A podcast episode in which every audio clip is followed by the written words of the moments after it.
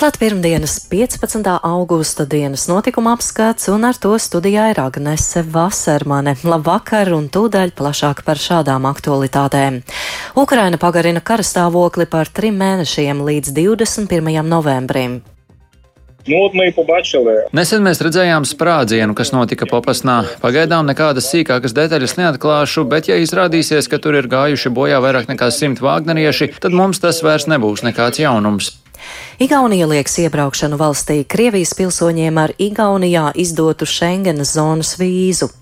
Latvijas turistu mītnēs pieaudzis gan ārvalstu, gan vietējo viesu skaits. Statistikā parādās gan tradicionāli kaimiņi lietuvieši, igauņi, somi, gan arī Lielbritānija, Vācija, Amerikas Savienotās valstis. Un aizlūdzot par Ukrainu un mieru pasaulē, Aglonā noslēdzas Vissvētākās jaunavas Marijas debesīs uzņemšanas svētki. Lai redzētu tavu spēku un gudrību, tava žēlastība ir labāka par dzīvību. Par to visu tūdaļ arī plašāk.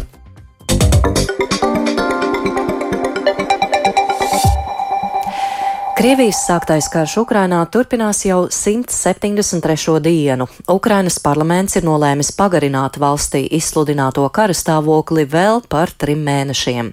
Amatpersonas ir apstiprinājušas ziņas par Krievijas bēdīgi slavenā algotņu grupējuma kaujinieku bojā eju Ukrainas armijas uzbrukumā. Un vairāk par notikumiem Ukrainā stāsta Uldis Ķēzberis. Drīz apritēs pusgads kopš Krievijas pilna apmēra iebrukuma Ukrainā. Kara intensitāte ir samazinājusies un pašlaik aktīvākās kaujas koncentrējas atsevišķos frontes posmos Ukrainas austrumos un dienvidos. Tikmēr Krievija ikdienu turpina apšaudīt Ukrainas pilsētas. Vismaz pieci cilvēki ievainoti šorīt notikušajos Krievijas artilērijas triecienos pa vairākiem dzīvojamiem rajoniem Harkivā. Jauni uzbrukumi notikuši arī Nikopolis pilsētai Ņipropetrovskas apgabalā un Mikolaivai valsts dienvidos gados. Ukrainas parlaments augstākā rada šodien nolēma pagarināt valstī izsludināto karastāvokli un vispārējo mobilizāciju līdz šī gada 21. novembrim. Karastāvokļa pagarināšanu atbalstīja 328 no 450 augstākās radas deputātiem. Karastāvokli Ukrainā ieviesa 24. februārī, kad Krievijas karaspēks iebruka valstī. Iepriekšējo reizi to pagarināja maijā. Karastāvokļa laikā visiem vīriešiem Ukrainas pilsoņiem vecumā no 18 līdz 60 gadiem ir aizliegts izbraukt no valsts. Ukrainas parlamenta deputātu vairākums arī atbalstīja paziņojumu, kurā starptautisko sabiedrību aicina nosodīt Krievijas karaspēka veiktos uzbrukumus Zaporīžas atomelektrostacijai un ieviest sankcijas pret Krievijas kodoli industriju. Luhanskas apgabala militārās administrācijas vadītājs Serhijs Haidais apstiprinājis, ka okupētajā Popasnas pilsētā ir iznīcināts Krievijas algotņu grupējuma Wagner štābs. Tas noticis Ukrainas armijai veicot precīzu triecienu pēku. Nesen mēs redzējām sprādzienu, kas notika Popasnā. Pagaidām nekādas sīkākas detaļas neatklāšu, bet ja izrādīsies, ka tur ir gājuši bojā vairāk nekā simt vāgnerieši no vadošas vienības, tad mums tas vairs nebūs nekāds jaunums. Nu, Haidais noliedza iepriekš izskanējušo informāciju, ka uzbrukumā ir nogalināts arī Krievijas prezidenta Vladimira Putina tūks sabiedrotais un grupējuma Wagner finansētais Jevgēņijs Prigožins, kuru mēdz dēvēt arī par Putina pavāru. На жаль, скоріш за все, саме з приводу кухаря Ja runājam par pavāru, tad, diemžēl, ziņas nav mums iepriecinošas, bet viņa vietnieki, jā, vairāk nekā simt ir gājuši bojā. ну і цифра більше ста. Interesants ir stāsts, kā šis uzbrukums ir noticis. Triecienu pa šo ēku Ukrainas bruņotie spēki ir veikuši vien dažas dienas pēc tam, kad tajā viesojies kāds Krievijas kara korespondents, kurš ievietojis sociālajos tīklos attēlus no notikuma vietas. Tas ļāvis precīzi noteikt štāba atrašanās vietu. Savukārt vietējie iedzīvotāji ir publicējuši video, kurā ir redzams, kā no sagrautās ēkas drupām tiek iznesti nogalinātie algotņi. Kara pirmajos mēnešos pilnībā iznīcinātajā Mariupolē sākuši atgriezties iedzīvotāji, kurus iebrucēji deportēja uz Krieviju. Pilsētas mēra padomnieks Petro Andriuščenko apgalvo, ka 13. augustā atpakaļ uz Mariupoli atvesti 60 cilvēki, kuri iepriekš ar varu bija aizvesti uz Pleskavas apgabalu Krievijā. Amatpersona apgalvo, ka lielākajai daļai no šiem cilvēkiem nav kur dzīvot, jo viņu mājokļi tika sagrauti Krievijas armijas uzbrukumos. Ulris Česberis, Latvijas radio. Un turpinām ar aktualitātēm ārvalstīs. Mjānmas huntas tiesa gāstajai valsts civilajai līderei Aunai Sanai Sūčī ir piespriedusi sešus gadus cietumā par korupciju. Gāstā līdere pēc visas spriežot ir pie labas veselības, bet pēc pēdējā sprieduma pasludināšanas ne ar kādiem paziņojumiem nav nākusi klajā. Tā atklāja tiesas procesam tuvs avots. Nobela miera prēmijas laureātei jau ir piespriesti 11 gadi cietumā par korupciju, kūdīšanu pret armiju, Covid-19 dēļ ieviesto ierobežojumu un telekomunikāciju likumu pārkāpšanu. Stāsta Rihards Plūme. Sučī vairāk nekā 30 gadus bijusi Mjanmas demokrātiskās kustības seja, bet līderei jau iepriekš piespriestais cietumsots nozīmē, ka viņa nevarēs piedalīties vēlēšanās, ko hunta sola sarīkot nākamgad. Jūnijā viņa tika pārvesta uz cietumu galvaspilsētā Nepjido, kur tiesas prāva turpinās cietumu kompleksā. Līdz pārvešanai uz cietumu viņa atradās mājas arestā. Kopš apvērsuma aizturēti arī daudzi Sučī politiskie sabiedrotie. Tā vienam no kabineta ministriem piespriesti 75 gadi cietumā. ASV valsts departaments paziņojis, ka militārā režīma netaisnīgais Sučī arests un notiesāšana ir taisnīguma un likuma varas pārkāpums. Igaunija jau no šīs nedēļas, no 18. augusta, lieks iebraukšanu valstī Krievijas pilsoņiem, kuriem ir Igaunijā izdota Schengenas zonas vīza. Kā norāda Igaunijas valdība, Krievijas pilsoņi, kuriem vīzas izdotas citās Schengenas zonas dalību valstīs, arī turpmāk varēs iebraukt Igaunijas teritorijā. Lietuvas ārlietu ministrs Gabrieļus Landsbergis uzskata, ka Eiropas Savienības mēroga aizliegums izdot Schengenas zonas vīzas Krievijas pilsoņiem veicinātu spēcīgas politiskās opozīcijas veidošanos Krievijā. Turpina Uldis Česberis. Igaunijas valdības lēmums Schengenas vīzu jautājumā paredz arī atsevišķus izņēmumus. Krievijas pilsoņi, kuriem ir Igaunijā izdotas vīzas, arī turpmāk varēs iebraukt valstī, ja viņi apciemos tur dzīvojošos tūs radiniekus, ja viņi ir Krievijas diplomāti vai viņu ģimenes locekļi, starptautisko pārvadājumu veicēji vai pasažieri, personas, kurām iebraukšana ir atļauta saskaņā ar Eiropas Savienības noteikumiem, vai cilvēki, kurus Igaunija pieņem balstoties uz humanitāriem nosacījumiem.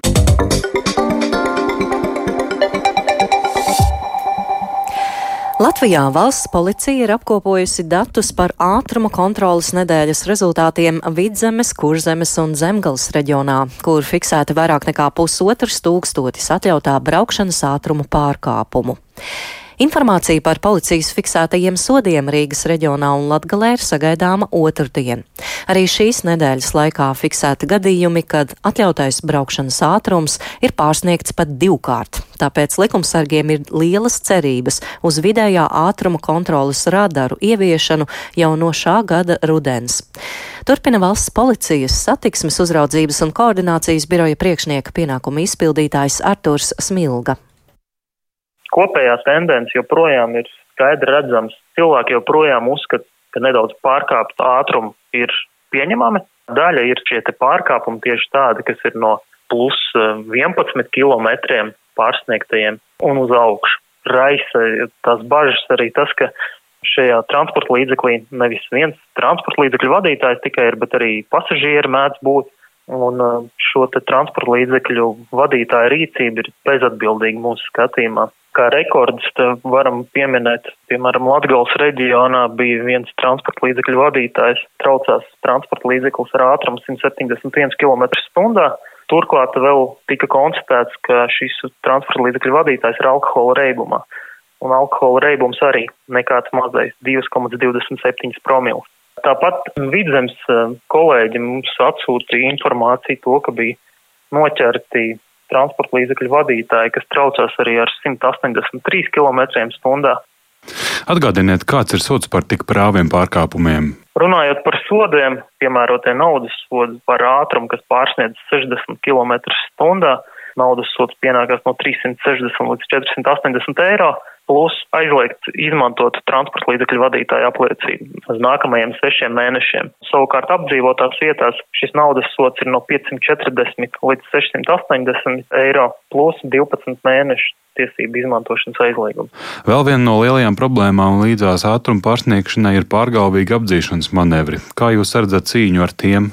Mēs arī esam iesnieguši priekšlikumus likuma grozījumiem, paredzot stingrāku atbildību par šiem te neatļautajiem apdzīšanas manevriem. Un pašlaik šis likumprojekts ir nodots saimai. Bet piekrītu, ka šis tātad ir viens no tādiem pārkāpumiem, kurš būtu sevišķi jākontrolē. Un uh, policijai, ņemot vērā šo ierobežoto resursu skaitu, žēl, ka mums ir jāuzrauga arī papildus ātrums, ja to varētu veikt ar tehniskajiem līdzekļiem. Mēs ar nepacietību gaidam, kad sāks darboties šī vidēja ātruma kontrolas sistēma, lai mēs savus jau tā mazos resursus varētu pārslēgt un fokusēt tieši uz šiem te pārkāpumiem, kas tūlītēji uzreiz apdraud satiksmes drošību. Tā valsts policijas pārstāvis Artūrs Smilga par ātrumu kontrolas nedēļas rezultātiem, un viņu intervēja kolēģis Jānis Kīncis. Un turpinām dienas notikumu apskatu. Šā gada jūnijā Latvijas turistu mītnēs ir apkalpoti 246 tūkstoši ārvalstu un vietējo viesu, un tas ir divas reizes vairāk nekā pērnā gada jūnijā. Šādi jaunākie centrālās statistikas pārvaldes dati. Viesnīca un restorānu asociācijas izpildirektore Santa Graiksta min, ka ir labi, ka noslēgušies stingrie Covid-19 dēļ ieviestie ierobežojumi. Statistika uzlabojas, un tajā var novērot īpaši tos ārvalstu turistus, uz kuriem vismazāk bija cerēts. Ir pamats zināmam optimismam, taču jāsako enerģijas cenu kāpumam arī tam, kā viesnīcu rezervācijas ietekmē Krievijas sāktais karš Ukrainā, turpina Graikste šis faktors eh, joprojām ietekmē tādā ziņā, ka mums tiešām nav arī šo grupu, nav organizēto grupu. Mēs varam tieši tāpat, kā mēs arī pavasarī prognozējām, šobrīd runājam par individuālajiem turistiem, ne par organizētajām grupām. Jā, protams, ir tādas, bet eh, tas nav tādā apjomā, kā mēs, kā mēs redzējām gada sākumā. No kurām valstīm šobrīd uh, ierodās visvairāk turistu? Jūs arī sacījāt, parādās uh, no tādām valstīm, no kurām uh, līdz šim tā kā nebija sākoties kara situācijai, un mēs, protams, mēs skatījāmies eh, tālie galamērķi, kas varētu būt, eh, un, un saistībā ar Covid ierobežojumiem mums bija ļoti maz, samazinājies eh, arī apvienotās karalistes turistu skaits, tad šobrīd mēs redzam, ka, ka mūsu statistikā parādās gan tradicionāli vietējie tuvākie kaimiņi lietuvieši, igauņi, somi, gan arī ir Lielbritānija, Vācija, kolēģi atzīmē, ka tad ir ir arī tālie galvenmērķi, nu, vairāk pieminot uh, Amerikas Savienotās valstis. Šeit gan atkal uh, vēlētos pieminēt un atzīmēt, ka noteikti no statistikā uh, būtu daudz vairāk arī uh, Zviedrijas turisti redzami, bet, diemžēl, tas, ka uh, prāmju, pastāvīgi prāmju līnijas nesamība uh, ietekmē šo statistiku un tas arī ietekmē to kopējo situāciju mums. Kāds šobrīd vispār kopumā ir uh, viesnīcu aizpildījums? Tas ir dažāds, un, un šobrīd ir ļoti lielā mērā ietekme arī, arī sezona. Mēs jau tagad jau runājam, jau varbūt uz priekšu ne tikai par šo otro ceturksni, bet eh, jūlijas, augusts, kur tiešām ir, ir labi rādītāji, eh, bet ja mēs skatāmies oficiālie dati, Tā vienkārši sakot, ir būtiski labāka situācija kā bija 21. gadā un 20. gadā. Ļoti atpaliekam tomēr no 19. gada statistikas. Nu, ja piemēram, tā tad bija 19. gada sešos mēnešos bija vidējais noslogojums 40, apmēram 45%, tad šogad tas varētu būt apmēram 35. Tā kā no 19. gada rādītājiem mēs krietni atpaliekam. Kāds skats ir šobrīd nākotnē, nākamā gan līdz gada beigām, gan lūkojoties uz nākamo gadu? Tā labā ziņa ir tā, ka, ka kolēģi tiešām atzīmē salīdzinājumā arī ar iepriekšējo gadu, ja šajā periodā vēl nebija rezervācijas uz rudeni, uz septembri un oktobri, tad šobrīd, šobrīd tas, tās ir, tās ienāk un, un tas rada, protams, nu, zinām optimismu. Protams, mēs neaizmirstam, ka, ka rudenim tuvojoties eh, var atkal būt kāds Covid vīrusu uzliesmojums, kam mēs arī rūpīgi gatavojamies sadarbībā ar ekonomikas ministriju un veselības ministriju. Tieši tāpat arī jāņem vērā, mēs šobrīd vēl, nu, tātad jau sākot, jau sarunas sākumā pieminētais faktors energoresursu sadārdzinājums, vai arī tiks radīts kāds, eh, kāds mehānisms uzņēmēju atbalsts. Ar viesnīcu un restorānu asociācijas izpildu direktori Santu Graikstis sarunājās Lauris Zvejnieks.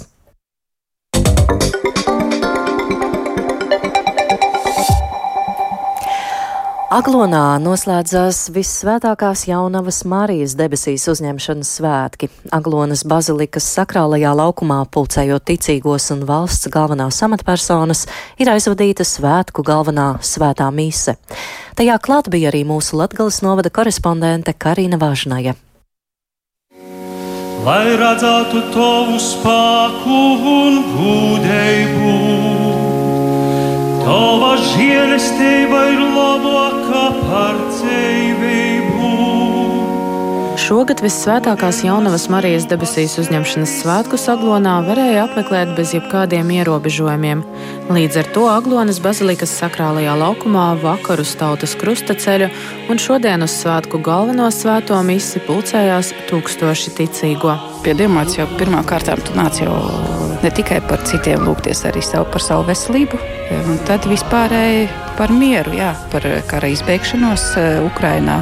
Un tie nodomi ir gan individuāli, gan šobrīd, protams, mēs lūdzam arī par mieru pasaulē. Mēs domājam gan par to, kas mums cilvēciski tūs, gan par to, kas šobrīd pasaulē ir svarīgi. Un tas ir mieras pasaulē, ja, par ko mēs arī lūdzāmies. Es par, eh, par savu ģimeni.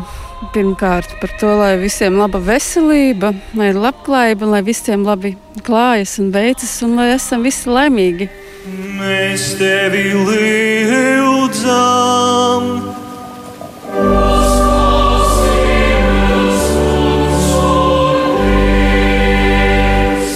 Šodien esam šeit, kā liela ticīgo saime ap kunga altāriem lai slavētu Dievu un viņam pateiktos par lielajiem darbiem, ko viņš ir veicis Dievmātes dzīvē. Svēto misiju Aglonā celebrēja pāvesta sūtnis Baltijas valstīs arhibīskaps Peters Antons Raičs un Latvijas bīskapi. Šogad svētajā misē īpaša uzmanība un lūkšanas veltītas karaskartajai Ukrainai. Šodien lūgsim kungu mūsu dievu lai ar debesīs uzņemtās Dievmātes Marijas spēcīgu aizbildniecību viņš dāvā taisnību un mieru Ukrainā un atgriešanos un glābšanu agresoram. Svētku misē klātesošos uzrunāja arī valsts prezidents Gils Levits, kurš uzsvēra baznīcas nozīmīgo lomu mūsdienu sabiedrībā un demokrātiskā valstī. Tāpat prezidents aicināja ikvienu būt pateicīgam par mieru mūsu zemē. Es šo pavasari biju Ukrajinā un pats savām acīm redzēju izpostītās pilsētas un salauztās cilvēku dzīves, kas paliek pāri pēc Krievijas armijas brutalitātes un necilvēcības. Taču katram, kurš ir iesaistīts kara noziegumos, agri vai vēlu būs jāatbild par nodarīto. Bet katrs, kurš nespēja atšķirt labu no ļauna un skaidri, bez jebkādām atrunām, nostāties pareizajā pusē, viņam ir jāapzinās, ka viņš tādā gadījumā paliek kopā ar kara noziedzniekiem un palīdz Kremlim. Novērtēsim un būsim pateicīgi par mieru mūsu zemē. Miers ir tik trausls. Tā ir patiesa dāvana, kas dod iespēju katram veidot labāku rītdienu.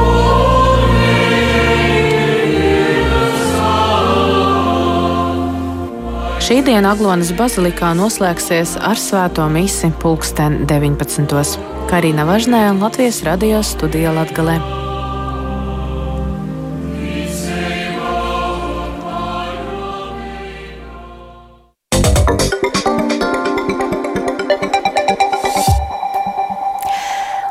Pirmo reizi Kurzemē šajā nedēļas nogalē norisināsies sen vēstures un mūzikas festivāls Bandava. Šis festivāls tematiski tiks veltīts kuršiem un to dzīvēi dzels laikmetā. Divu dienu pasākumu 19. un 20. augustā rīko vairākas biedrības, kas šobrīd Dienvidu Kurzemes novada Kazdāngas pagasta upīšos veido seno kuršu sētas rekonstrukciju. Lauku apvidus ir piederīgs kādreizējai Bandavai, kas ir viena no vēlā dzelzceļa dzelzs laikmeta kuršu zemēm. Lielākā no kuršu zemēm tolaik bija Bandava Ventas vidustecē. Par gaidāmo notikumu un jauno tradīciju kurzemē stāsta Inga Ozola. Dienvidu kurzemes novada Kazdāngas pagasta upīšos jau tapušas pirmās aprises senajai kuršu sētai Bandava. Senais kuršu ciems atrodas aptuveni 7 km attālumā no aizputes, kur šobrīd vīri veido skatuvi no guļbaļķiem, lai pietuvinātu vizuālo izskatu senajam kuršu ciemam. Viens no kuršu sētas veidotājiem ir Uģis Pucenis no biedrības sērda. Viņš stāsta, ka neiztrūkstoši svarīgi ir vieta, kur apstrādāt nocirstos kokus. Šis ir mizojamais, vēl tādas līmes, tas ir saucamais, tas ir divrots, tas ir kārtā. Tā skalēja māksla bija tik ļoti attīstīta, viņa zobena taču ir atrasta līdz pat Melnai jūrai. Dzīvās vēstures muzeja veidošanas pamatā ir islandiešu autora Egīla Skala Grimsona sāga aprakstītā bagātā kurša sēta. Uģis Pucenis stāsta par senā kurša ciema veidošanu. Tā visa tā būvniecība, ko mēs šeit veicam, tā ir nu, tāda vairāk vai mazāk vēsturiska. Tas nozīmē, ka tiek izmantots viss, kas ir blakus. Ja, tā, tad tur eigli tepat tās mežā ja, un tādas lietas. Pirmais pagājušajā gadā ar kultūra kapitāla atbalstu uzbūvētā ēka, šī vēsturiskā, varētu tā nosacīt pēc tās sāgas, viņu definēt kā tādu mantnīcu, jeb noliktavu, kur bagātais kurs glabāja savus dārgumus. Būšot arī citas ēkas, ieskaitot dzīru namu, senās kuršu sēras veidošanā iesaistījušās vairākas biedrības. Gaidāmo festivālu Bandava, Rīko Zobens un Lemes komanda kopā ar vēstures rekonstrukcijas klubu Eksar citu Vitus Rigensis un starpnozaru mākslas grupu Sērde. Bandavā īpaša uzmanība tiks veltīta tieši viduslaiku tēmai un tradicionālai kultūrai. Festivāla programmā nedēļas nogalē paredzētas tematiskas lekcijas, darbosies eksperimentālās arheoloģijas un amatnieku darbnīcas, kā arī izzinošas meistarklases. Visas dienas garumā būs atvērts senais ciems, kurā rosīsies dzīvās vēstures rekonstrukcijas klubi no Latvijas un Lietuvas. Vairāk stāsta pasākumu rīkotājs Valdis Bērzvats. Palīdzot būt būvēt pirmo ēku, gan tagad arī pie skatuves strādājot, es, es esmu strādājis vismagāk savā dzīvē. Tiek atklātas visādas jaunas muskuļu grupas, kuras var sāpēt. un, nu, interesanti visādā ziņā. Protams, ka jaunieši mūsdienās nav īpaši čakli izzināt senvēsturi Latvijas un, un, un vispār vēsturi. Ja? Tāpēc, lai viņus pievilinātu, nākās uh, izdomāt dažādus trikus, kā teiksim, ar modernu mūziku, jā, mūsdienīgu mūziku, kurā gan arī ir teiksim, šīs tās no etnoroka ievīts, jā, gan, gan tekstu ziņā, gan, gan muzikālā ziņā. Aicināt šeit jauniešus, kuri paskatās meistarklases, senos amatus, arodus, sāk interesēties par vēsturi un, un arī par tiem amatiem. Pasākuma rīkotājs stāsta, kādas aktivitātes gaidāmas pirmajā senvēstures un mūzikas festivālā Bandava. Mums būs uh, Mārtiņš Tiltnieks mācīs spēlēt dūdes, dumpis ar uh, podnieku paraugu demonstrējumiem, meistarklasēm. Tad uh, meitene Laurāksi, stāstīs par senajiem kuršu tērpiem, dzelzs laikmeta izrakumos, atraktajiem kapu laukos, rotām, gan, gan apģērbiem. Nu, un vēl šis tas mums būs arī par kurzemes pilskalniem, ja, un svētvietām būs lekcija neformāla. Kā, domāju, pirmajam gadam diezgan diezgan noslogots būs tas uh, vēsturiskais. Valdis Bērzots nu jau astoņus gadus rīko festivālu Zobens un Lemes, tāpēc likumsakarīgi arī šajā Bandavas festivālā būs grupas, kas uzstājas Zobens un Lemes festivālā. Dārva, Simbolika, Inokentijas Mārpls un citi. Bandavā gan nesot aicināt ārvalstu viesi, jo festivālam ir jāiedzīvojas un tad iespējams veidot plašāku muzikālo programmu. Ingozola Latvijas radio kurzemē bet rekonstruēto jaunā Rīgas teātrēku Lāčplieša ielā varētu atklāt nākamā gada aprīlī.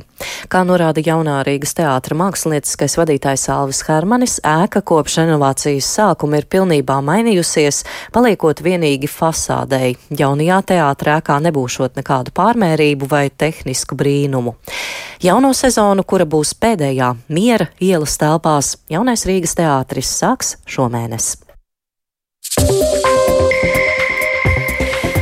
Ar to izskan pirmdienas 15. augusta dienas notikuma apskats. Producents Viktors Pupiks, skaņu režijā Renāša Steimanis, Iveta Zvejniece, studijā Agnese Vasermane. Par būtiskāko.